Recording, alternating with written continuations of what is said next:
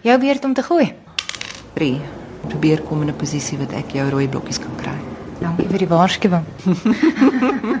Hoe het tegnologie die ontwikkeling van bordspeletjies beïnvloed? Ek dink daar's 3 groot tegnologiese ontwikkelinge wat vir bordspeletjies beïnvloed het. Die eerste twee is op 'n ekonomiese vlak en dit is 'n uh, 3D printing en omdat dit goedkoper is om te vervaardig, is dit goedkoper om te koop en word baie meer versprei. So daar's die vervaardigingsproses en dan is daar die belegging dat dit vreeslik maklik is nou vir enkel mense of klein maatskappye om bordspeletjies te vervaardig en in die mark bekend te stel. So 'n uh, platform soos Kickstarter waar jy jou voorstel vir 'n speletjie opsit en dan kan mense of 'n geld aan jou doneer of 'n speletjie koop wat nog nie bestaan nie. Maar jy kry die geld in en daai geld gee vir jou die vermoë om die speletjie te ontwerp en dit te produseer. Rol net eens. Daar's hy 3. Die laaste een en seker die mees interessante een is bordspeletjies wat deur tegnologie ondersteun word. Speletjies soos XCOM op die oomblik waar jy jou fisiese bordspeletjie het en dan toepassing op jou tablet of foon het wat vir jou help om te speel, wat verduidelik en vir jou help om goeders uit te werk. So daai speletjie kan baie meer kompleks raak want dit is nie alles in die speler se kop nie. Daar is hierdie ondersteuning van die tegnologie wat vir jou kan help om goeders uit te werk. So dit is nou waar tegnologie en die tradisionele bordspel saamkom.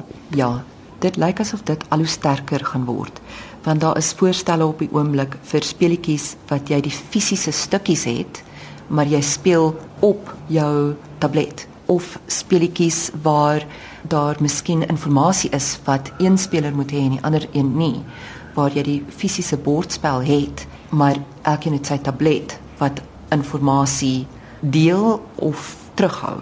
Dit laat my so 'n bietjie dink aan Battleship. Presies. Ons noem dit versteke inligting speletjies en dis 'n hele genre. Digitale tegnologie is vreeslik goed om daardie tipe ding in 'n fisiese bordspeletjie in te bring. Ek het 1 2. Dis 'n goeie een. En daar het jy my. Daar het ek jou.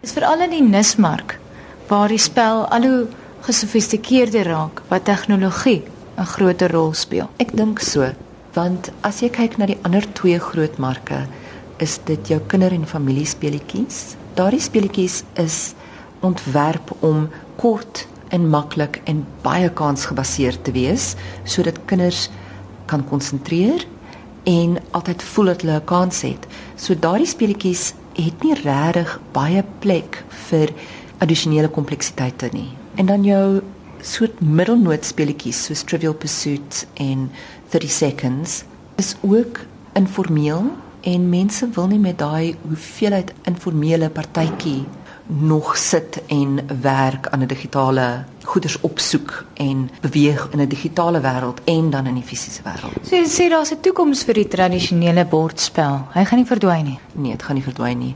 Bordspeletjies is verskriklik gewild in Suid-Afrika. Dit is eintlik verlig dat die spel nou tot 'n einde kom want die wenner is baie duidelik jy.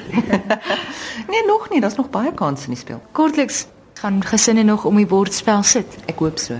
Daar is iets fantasties, emosioneel, sielkundig van om 'n tafel sit en saam met ander mense te speel aan 'n fisiese bordspeletjie. Bordspeletjies is al met ons deur al die eeue. En ek dink nie 'n digitale spel kan ooit die genot van 'n bordspeletjie vervang nie.